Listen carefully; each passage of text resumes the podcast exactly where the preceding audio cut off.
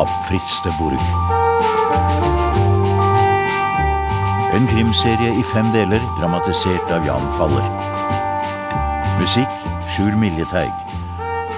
Lyddesign Arne Barka. Regi Steinar Bertelsen. I rollen som Nicolai Wolff Mats Austdal. Første del Ingen rettferdighet for sånne som oss.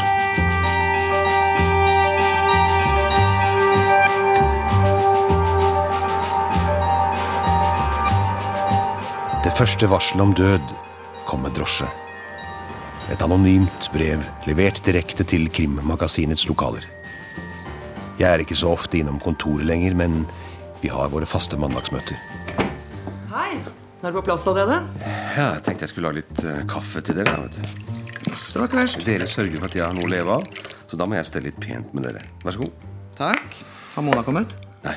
I ti år hadde jeg brukt all min tid på Krimmagasinet. Men nå er det Ester og Mona som står for den daglige driften. Jeg skal bare levere én forsidesak til hvert nummer, det er alt. Bortsett fra det er jeg fri til å gjøre som jeg vil. Det passer meg utmerket. Jeg hater rutiner og klokkeslett. Hva er det du holder på med? Skal du ta ned diplomet? Ja, jeg finner ut at jeg, at jeg trenger det. Kan du holde i stolen? Trenger det. Ja. Det er liksom noe som mangler hjemme. Og det er krigsseildiplomet ditt, av alle ting. Hei! Hva er det dere holder på med? Han vil ha med seg diplomet hjem, savner krigstraumene sine. Det tror jeg er morsomt. Bare litt skumle drømmer av og til, er det du tror? Det var ikke sånn men. Ikke bry deg om hun, Nikolai. Er du i gang med neste artikkel? Eh, ja, absolutt. Hva handler den om? Kriminalitet. En spennende og gripende historie om død og kriminalitet. Morsomt. Nei, det ordner seg. Er du klar, Nick? Ja. Så foreslår vi begynner møtet. Mona? Yep. Ok, Først økonomien. Annonsesalget har gått bra i det siste. Situasjonen er bedre enn den har vært på lenge. Så jeg tror vi har kommet oss opp av den dype bølgedalen vi har vært i. Nikolai Wolff. Er det dem? Krimmagasinet. Det er her, ikke sant? Det er meg. Ja, her. Dette er til dem. Hvem er det fra? Jeg veit ikke. Du veit ikke? Nei. Og nå må jeg videre. Adjø. Et øyeblikk, unge mann. Du kan ikke bare komme stormende inn med et brev på den måten uten å forklare deg. Jeg veit ingenting annet enn at jeg får 100 kroner i bonus hvis jeg leverer alle breva før klokka 11. De kjører altså rundt i drosja di og leverer brev? Ja. Og nå må jeg videre. Adjø. Jeg skal ta døra for deg. Hvor mange brev er det? Jeg har to igjen. Skal du ikke åpne det? Vi veit jo ikke hva dette er. Kanskje vi heller ville legge det i askebeger og brenne det. For noe tull. Hvis ikke du åpner det, så gjør jeg det. Hva blir det til? Ok, da. Ja. Hva står det? I dag, presis klokka tolv, skal jeg sprenge meg selv med dynamitt på Riskeren-odden i nordvest. En tung avgjørelse å ta, ikke minst med tanke på familien, men jeg har ikke lenger noe valg. Jeg har innsett at rettferdighet ikke finnes for sånne som oss. Derfor sender jeg dette brevet til deg og 14 andre. Dere bærer hver deres del av ansvaret. For en motbydelig spøk. Ja. Det er sikkert fra en av disse sprø journalistvennene dine. Hva heter han tjukken fra Drammens Tidende? Arild? Nei, jeg tror ikke det er han. Dette er for sprøtt. Ingen avsender. Nei? Jeg drar dit, så får vi se. Men bør vi ikke ringe politiet? Hvis det er noe i denne galskapen, må noen stoppe det. Gjør det. Blir du med? Ja? Ta med kikkerten. Ligger i nederste skuff. Ja, det er Ester i Krimmagasinet. Vi har mottatt et brev. Tar du kamera? Ja. Tar vi bilen? Det er raskere å gå. Hvis vi krysser jernbanespora.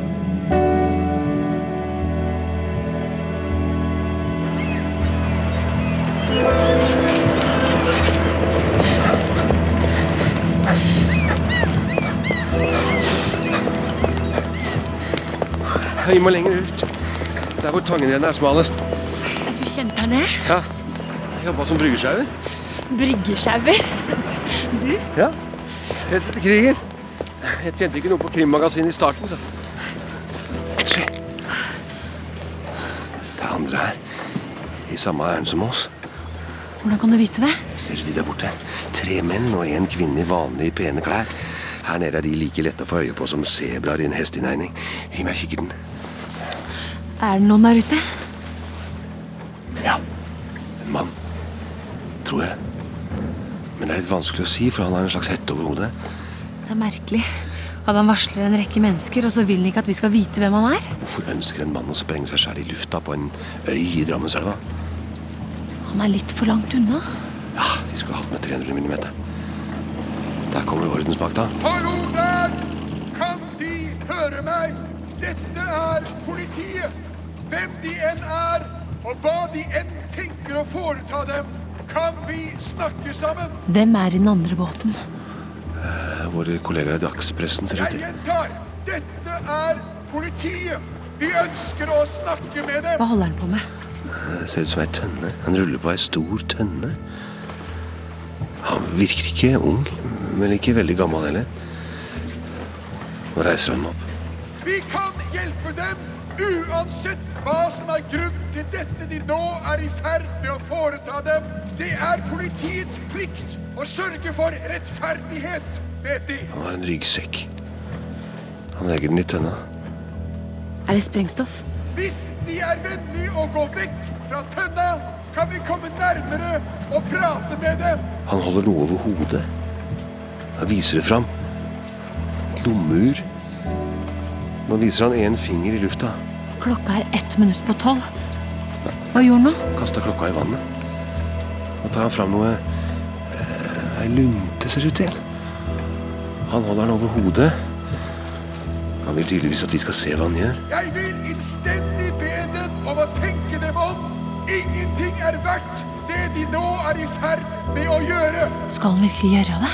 Han tenner lunta og klatrer opp i tønna. Nei, dette vil jeg ikke se på.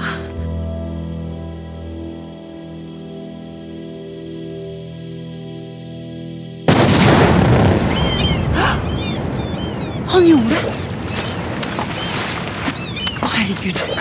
Men det er jo helt Hva, gjør vi nå? Ingenting. Det er politi som må rydde opp i dette. Men vi må jo gjøre noe. Vi kan ikke Hvordan kan du være så rolig? Det er ikke første gangen jeg ser noen bli sprengt i lufta, Mona. Spørsmålet for oss nå er ikke hva vi kan gjøre, men hvorfor han håndplukka oss til å se dette. Hva sto det i det brevet, egentlig? Var det ikke noe om eh, rettferdighet? Skal vi se Jeg har innsett at rettferdighet ikke finnes for sånne som oss. Derfor sender jeg dette brevet til deg og 14 andre. Dere bærer hver deres del av ansvaret. Sånne som oss? Jeg veit hva jeg kommer til å bruke resten av dagen på. Lage en sak om det. Ikke hvis en mann som sprenger seg sjæl i fillebiter er hele historia, men det tror jeg ikke. Kan du dra tilbake og oppdatere Ester? Og framkalle filmen? Og hva gjør du? Finner F-17. F-17? Ja, drosja som leverte brevet.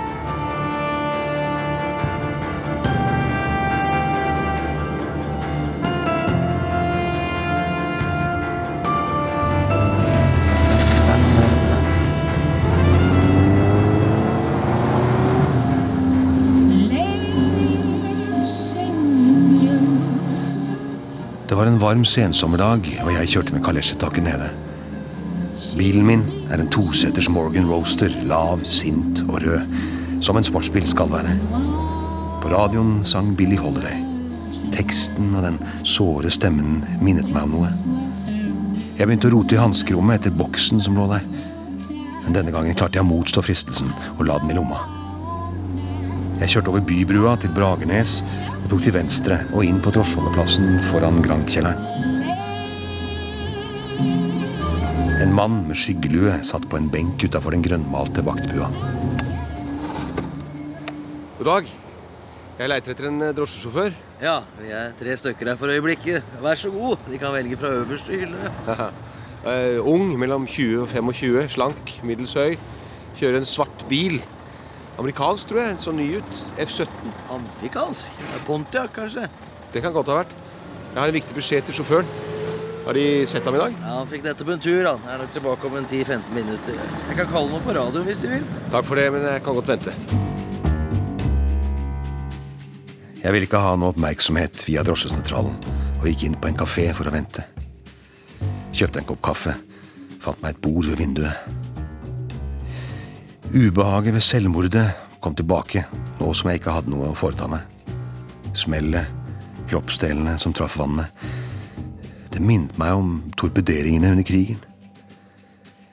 Jeg tok fram boksen, tok to piller og skylte dem ned med den siste kaffeskvetten.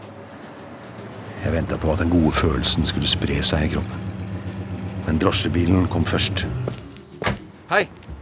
Nikolai Wolf. Kan vi sette oss inn i bilen? Ja, klart det. Eh, Hvor skal de? Jeg vil bare snakke med deg. Det brevet du leverte til Krimmagasinet tidligere i dag. Veit du hva som sto i det?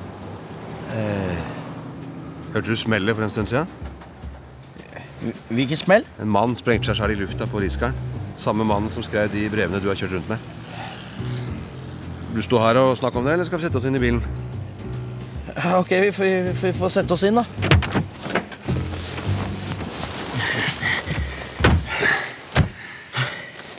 Hva har jeg med dette her å gjøre? Jeg fikk et oppdrag med å levere noen brev, det var alt. Det var godt betalt siden du fikk en bonus på 100 kroner for å levere brevene før klokka 11. Hvis jeg var deg, så ville jeg putta de penga rett i lomma. Ja vel. Og hva så? Hva har de med dette her å gjøre? Bare si du. Jeg skal ikke lage noen problemer for deg. Jeg gir pokker i skattingspeditøren. Han får nok som er. Det jeg er interessert i, er hvem som ga deg oppdraget, og hvem du leverte brevene til. Jeg veit ikke. Pakka med brevene lå på dørmatta mi i dag tidlig. I den og alle konvoluttene og en instruks om hvordan de skulle leveres i en bestemt rekkefølge. Den siste konvolutten hadde mitt navn, og i den så lå det 100 kroner. Ja, Husker du adressene? Det står i instruksen. Den ligger her i hanskerommet. Her. Jeg ble nødt til å skrive av disse navnene. Bare ta den, jeg, jeg trenger den ikke. Nei, nei, du må beholde den. Politiet kommer til å spørre etter den. De blir bare sure hvis du har gitt den til meg. Politi?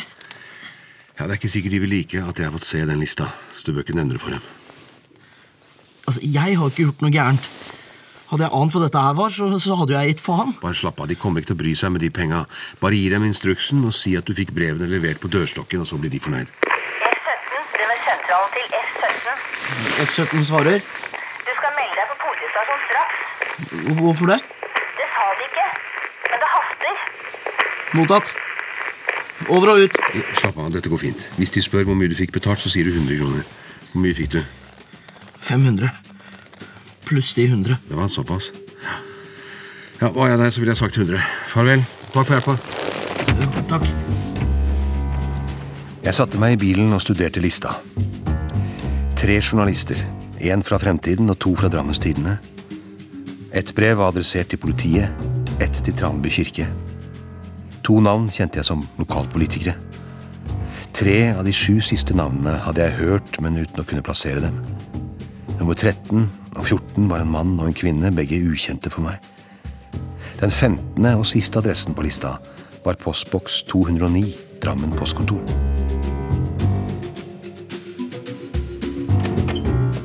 Mona, er du her? Her inne. Jøss, se der, ja. Det var noe annet enn det grå diplomet. Det er Ester som har hengt opp. Blått hav, hvite sandstrender og kokospalmer. Det handler fortsatt om sjø og hav. Hun forelska seg som barn, sa hun. Det er fra Seychellene. Hun skal visst reise dit en vakker dag. Ester til Seychellene. Hun sier så. Du, Jeg har fått tak i de navna og adressene til de som fikk brevet. Yes, det var ikke dårlig. Jeg har satt et kryss ved dem jeg veit hvem er. Kan du hjelpe meg å finne ut av de andre? Jeg kan gjøre et forsøk. Kunne vi eh, Ja, er det greit om vi snakker litt om det vi så? Jo da, det går bra. Han gjorde et stort nummer av tida, ikke sant? Ja. Det var tydeligvis et viktig poeng at dynamitten skulle gå av presis klokka tolv. Men hvorfor? Han ville vel være sikker på at de som hadde fått brevet, var der. Ja, Kanskje, men alle var jo ikke der. Bare noen. Han kasta klokka. Kan det bety noe? Jeg vet ikke. Men den ligger der et sted. Hvis ikke politiet har funnet den? Jeg tror det er på tide å avlegge et besøk hos Arild. Ryberg? Ja. Hvorfor det? Bare en tanke jeg fikk. Sjekker du din Anna?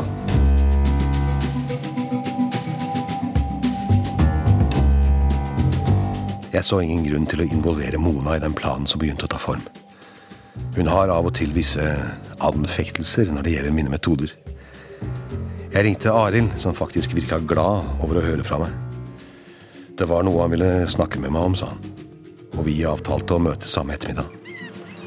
Det passa bra, for det var noe jeg måtte ordne først. God dag. God dag. Nikolai Wolf. Jeg er journalist. Kan jeg få sette meg ned? Jo, det skal vel gå bra, det. Jaså, journalist. Du er ikke den første av det slag som har vært her i dag. Ja, var dere her? Så dere det som skjedde? Nei, men Gustav var her. Gustav? Nei, nei det, det er ikke nødvendig. Det er ikke derfor jeg er her. Jeg skulle gjerne leid en robåt for et par dager. Er det noen av dere som kan hjelpe meg med det? Jeg hadde ikke lagt ut her jeg nå hvis jeg var deg. Nei, strømmen er stri nå som vannet går ut. Det er bedre når det er høyvann. Du er visst ikke helt grønn. Båtmann. Ja da, jeg har vært litt i båt. Se her. Kan jeg få by på en? Blue Master. Ja, takk. Jeg har en til meg òg. Naturligvis. Takk skal du ha. Ja, mye hadde du planer om å betale? Ti kroner dagen. Jeg vil ha den i et par dager, kanskje tre. Greit nok. Det er den med hvite esinger og grå tiljer som ligger der borte. Nummer tre herfra. Årer og øsekar ligger i båten. Pilk òg hvis du vil fiske. Ja. Men denne karen her skal vel over til øya, tenker jeg. Du kunne leid fram min da, for halv pris, men den har purken inndratt som bevis. Bevis? Hvorfor det? Ja, han stjal den, han som sprengte seg. Ja, Da må han vel ha vært her og sett seg ut båten på forhånd. da. Jeg veit ikke. Kanskje han ikke tenkte det. Kanskje han var eh, lokalkjent. Det tror jeg ikke. Da ville han valgt ut et helt annet sted. Ja, Det kan jo ha vært hun derre kvinnfolket som var her en kveld og snoka. Kvinnfolk her? Har jeg ikke hørt noe om. Å nei, men du skulle vært her, gitt. Det var den reiva. Når var dette? Det var en gang i forrige uke. Onsdag eller torsdag, tror jeg. Seint på kvelden. Åssen så hun ut? Ja, hva skal jeg si? Pen, slank, lita, store pupper. Eh, ikke hør på han, han veit ikke åssen han så ut. Han så bare puppene. Ja, jo, ja, nei, jeg skal ikke nekte for det, men eh, jeg hadde da såpass med tid på meg at jeg så resten òg. Jeg satt akkurat her. Ja, Aleine. Hun så meg ikke. Hun hadde helt kølsvart hår. Så litt eh, eksotisk ut, egentlig. Og da hun oppdaga meg, så ble jeg veldig brydd, liksom. Stakk av med en gang. Se her. Har du 20 kroner for båten. Takk skal du. Så skal du få mer hvis jeg skal bruke den flere dager. Nei da, bare ta den når du vil. Jeg bruker den ikke stort lenger.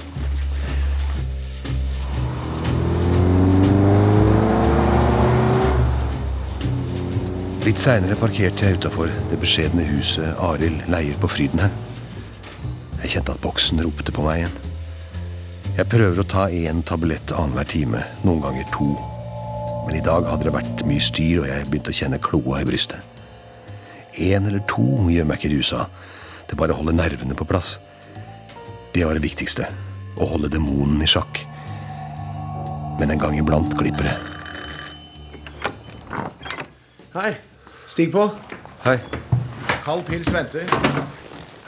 Hvor har du vært det siste halvåret? Vi ser deg jo aldri mer. Nei, eh, det er vel bare Jeg har hatt en del å stå i med. En del å stå i med. Hvem har ikke det? Du behøver ikke å drite i tirsdagskveldene våre av den grunn. Hva skal jeg si? Krever sitt å få krimmagasinet til å gå rundt. Jeg har hatt mye å stri med, det er alt. Jeg sa på telefonen at det var noe jeg ville snakke med deg om. Da mente jeg ikke pisspreik. Har du kommet for å fornærme min intelligens, så kan du like gjerne gå igjen. Skål. Ok.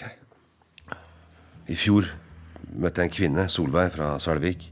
Solveig fra Svelvik? Ja. Jeg har hørt litt om det, ja. Jeg var solgt fra første gang jeg møtte henne.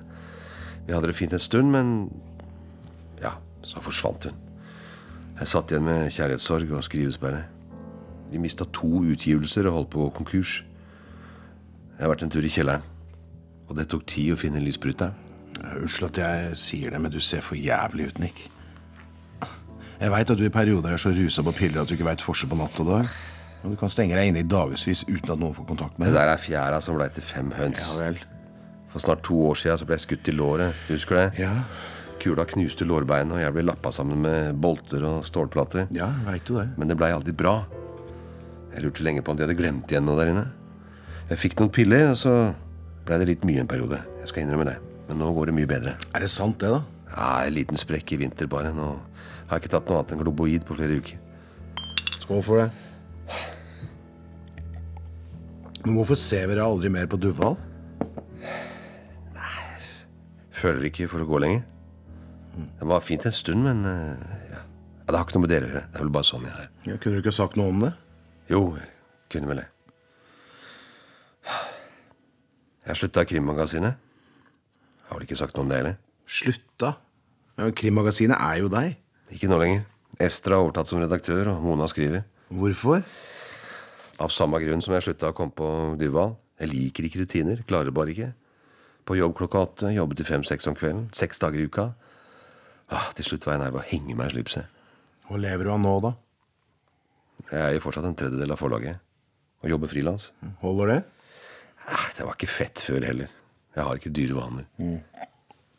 Du har ikke for vane å avlegge visitter heller. Hvorfor kom du egentlig? Dykker du fremdeles? Av og til. Kan jeg låne utstyret ditt et par dager? Hvorfor det? Jeg skal dykke. Det var ikke det jeg mente. Nei, jeg vet det. Tulling. Lurer du ikke på noen ganger hvorfor folk i det hele tatt gidder å være venn med deg? Jo da, det hender. Kan du dykke? Jeg svømmer som en fisk. Hvor vanskelig kan det være? Greit, greit, jeg skal være kamerat. Selv om du ikke gjør det lett for meg. Bli med ut i boden, da.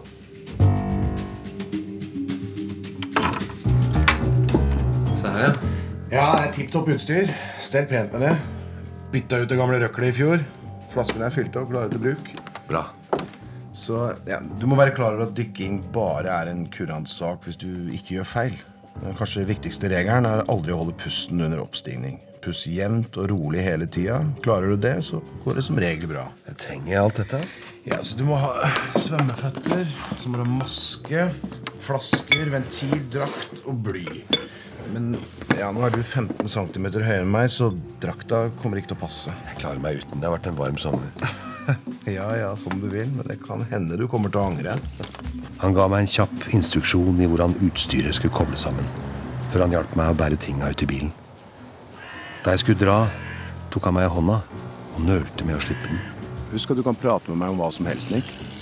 Ja, alle trenger venner, også du, enten du vil innrømme det eller ikke. Bare ikke ljug for meg, hører du? Jeg kommer tilbake med utstyr om noen dager.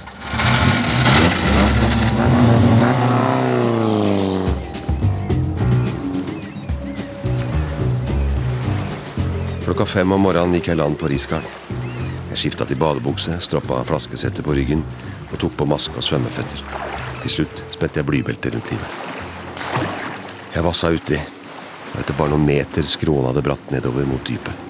Pust rolig. Alltid pust rolig. Jeg lot meg falle framover i vannet og sank pent og rolig mens jeg klemte maskegummien mot nesa og blåste. Jeg sank sakte ned langs marbakken mens jeg nøt den underlige og befriende følelsen av å kjenne meg vektløs. Etter noen meter begynte bunnen å flate ut. Her nede var det iskaldt og mørkt, så jeg svømte med maskeglasset nesten helt nede ved bunnen for i det hele tatt å se noe. Jeg fant ingenting fra eksplosjonen og begynte å svømme i sikksakk tilbake igjen. Kulda boret seg inn og gjorde meg stiv og ineffektiv. Jeg begynte å tenke på nedkjøling og bevisstløshet, og kjente straks at pustefrekvensen økte. Jeg svømte rett på et bildekk som lå halvt nedgravd i mudderbunnen.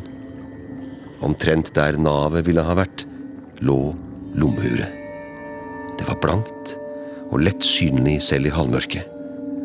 Jeg greip uret og saksa et par dobbeltspark med svømmeføttene for å få fart mot land.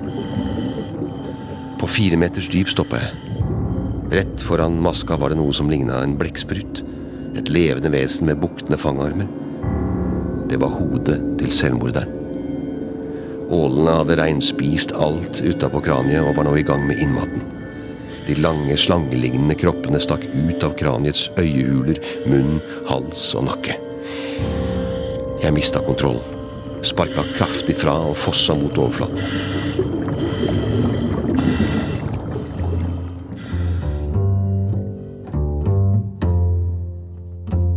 Det første jeg gjorde da jeg kom hjem, var å stappe i meg noen piller. Deretter kikka jeg på lommeuret.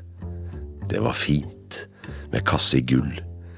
På innsida av lokket var det gravert 'Til pappa Elias på 50-årsdagen 13.06.47' fra Anna og Laila.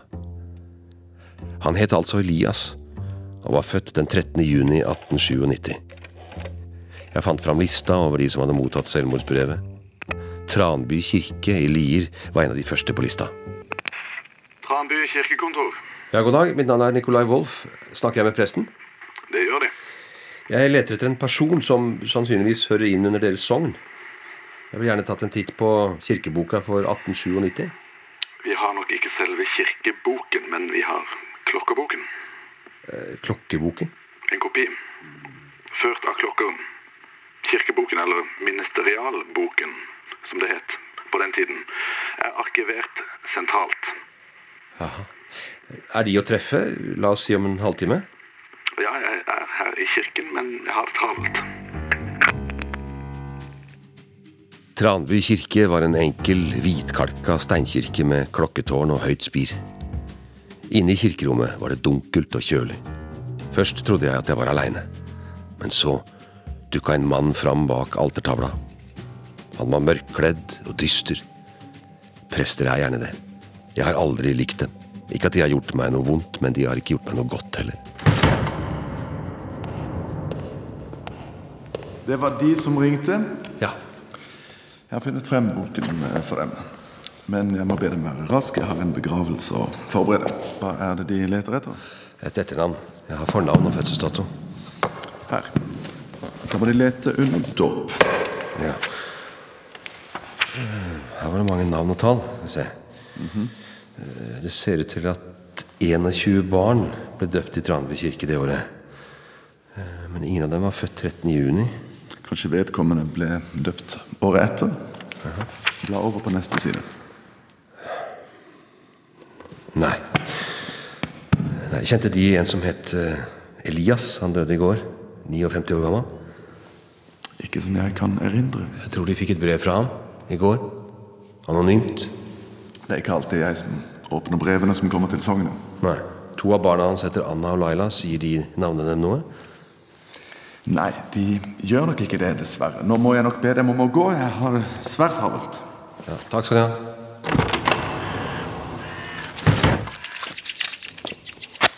Jeg stoppa på kirketrappa, skuffa over at intuisjonen min hadde bomma. Folkeregisteret ville sannsynligvis nekte å gi ut opplysninger til en journalist. Jeg kunne gå til politi, men dermed ville jeg parkere meg sjæl på et sidespor. På vei mot bilen hørte jeg raske skritt bak meg. Det var en ung kvinne. Mørkt hår, kledd i svart. Unnskyld. Unnskyld. Jeg er eh, Anna Carlsen. Elias var faren min. Ifølge ham er de svaret på våre bønner. Bønner? Hva mener du? Er presten involvert? Nei, nei, han veit ingenting. Han er ikke på vår side. Hvem sin side? Vi kan ikke prate her. De må bli med meg. Hun var taus under kjøreturen, bortsett fra noen knappe kjøreanvisninger. Etter omtrent to og en halv kilometer pekte hun mot en liten grusvei som tok av fra hovedveien. Vi skal ta av der borte. Ja, ved melkerampa. Vi svingte inn på en kjerrevei. Det var ikke stort mer enn to hjulspor med gress mellom. Langs en blekegul, moden kornåker. På høyden over åkeren lå et hvitt våningshus og en rød låve. Men det var ikke dit vi skulle. Jeg regner med at du har lurt på hvorfor far gjorde det han gjorde. Kan vi si du til hverandre? Gjerne det. Ja. Helt siden jeg fikk brevet, har jeg lurt på hvem han var. Om han var tilregnelig nok til å vite hva han gjorde. Jeg kan forsikre deg om at den var eh, tilregnelig. Er du herfra? Jeg er født i Drammen, bor på Lierstranda. Men hvis du skulle tvile på det, så er vi tatere. Ja. Ja vel. Det var ikke sånn ment. Du kan stoppe her.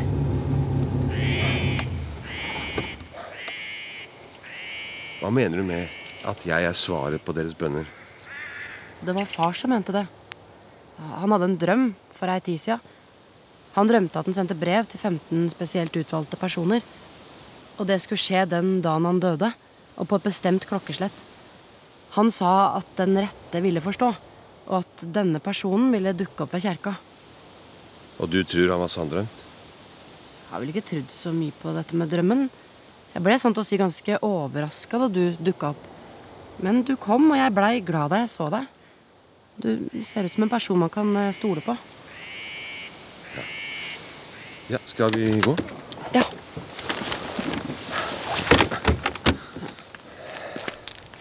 Far bodde her den siste tida. Han, han var snekker og restaurerte gamle hus. Dette her var den siste jobben han gjorde. Ja. Det er ei gammel eh, husmannsstue som tilhører gården vi kjørte forbi. Du må bli med inn. Jeg har ikke rydda opp ennå. Hva mener du? Du kan se sjøl.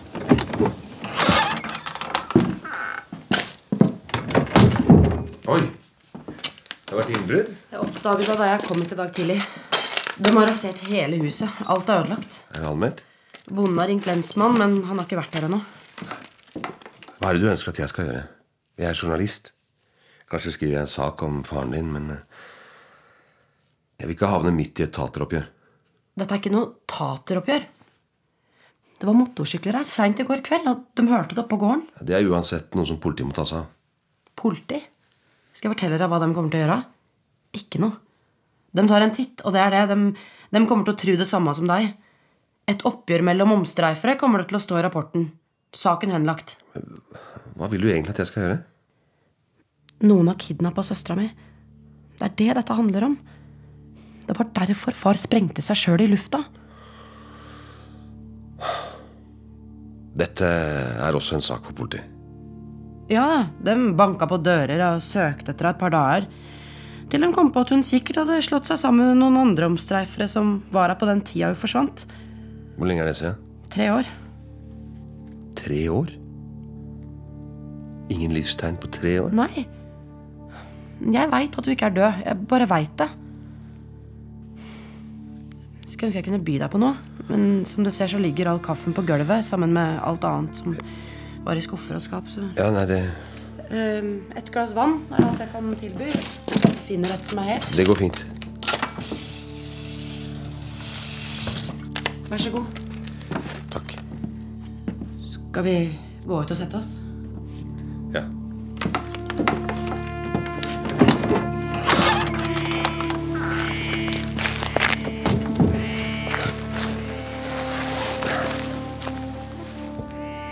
Hva skjedde da søstera di forsvant? Hun jobba ved Ås bryggeri og hadde hatt kveldsvakt. Hun stempla ut tolv minutter over åtte. Det er det siste vi veit om henne. Hun pleide å ta bussen hjem, og sjåføren den kvelden, han mente han huska henne. Det er fem minutter å gå fra stoppested, men hun kom aldri hjem. Og faren din? Hvorfor tok han livet sitt nå, tre år seinere? Har det skjedd noe som utløste det på en eller annen måte? Jeg veit ikke, men, men det har skjedd flere ting det siste året som gjorde at den forandra seg. Etter at Laila forsvant, så slutta han nesten å jobbe. Brukte tida på å lete etter henne ute til langt på natt. Så, for et år siden, i fjor sommer, så ble en mann funnet drukna i elva. En Far sa at han var tater. Etter det oppførte han seg annerledes. Åssen da? Han blei redd. Sjekka hele tida om døra var låst og vinduet lokka og sånt noe. Så en kveld for et halvt år sia så kom han hjem og var bleik og redd. Dagen etter pakka han og flytta opp hit og sa at det var for å beskytte mor og meg. Sa han noe om hva som hadde skjedd? Nei, han ville ikke, han ville ikke snakke om det. Han ville ikke involvere oss. Vi så ikke mye til ham. Ikke før for en måneds tid sia. Da ble han banka opp. Han lå til sengs ei uke. Av hvem da? Jeg veit ikke. Og så forsvant han igjen, og kom først tilbake i midten av forrige uke. Og da fortalte han at han hadde tenkt å ta livet av seg. Vi, vi tagg og ba og grein, men det nytta ikke. Han hadde bestemt seg. Mm.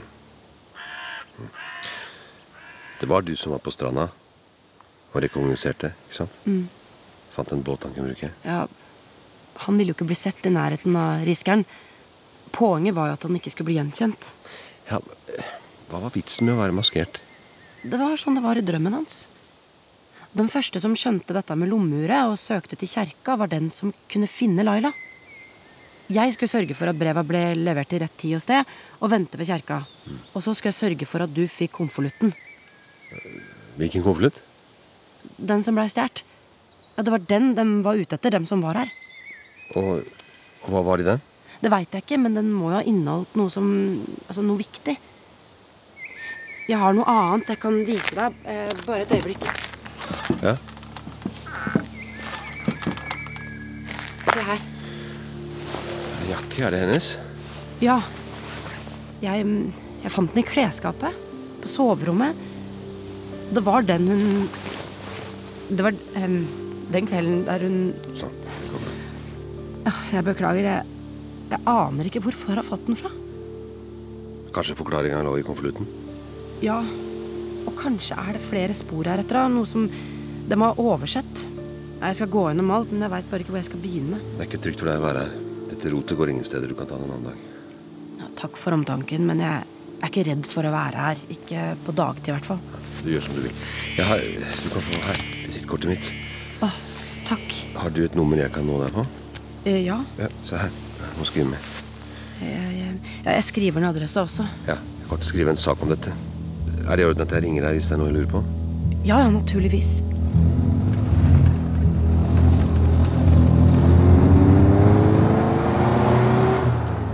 Jeg hadde kjørt omtrent én kilometer da jeg la merke til motorsykkelen som lå et stykke bak. Den var stor, kunne ligne en Harley Davidson. Jeg økte hastigheten mens jeg stadig sjekka bakspeilet. Motorsykkelen holdt samme avstand. Jeg tråkka gasspedalen ned og kjørte så fort jeg torde på den krokete veien. Han la sykkelen ned i svingene og hang på. Da jeg kom til Lirbyen, stoppa jeg ved en bensinstasjon og speida oppover veien. Han var ikke det. Kanskje hadde han svingt inn i en sidegate for å vente. Kanskje fulgte han ikke etter meg i det hele tatt. Kanskje var jeg paranoid.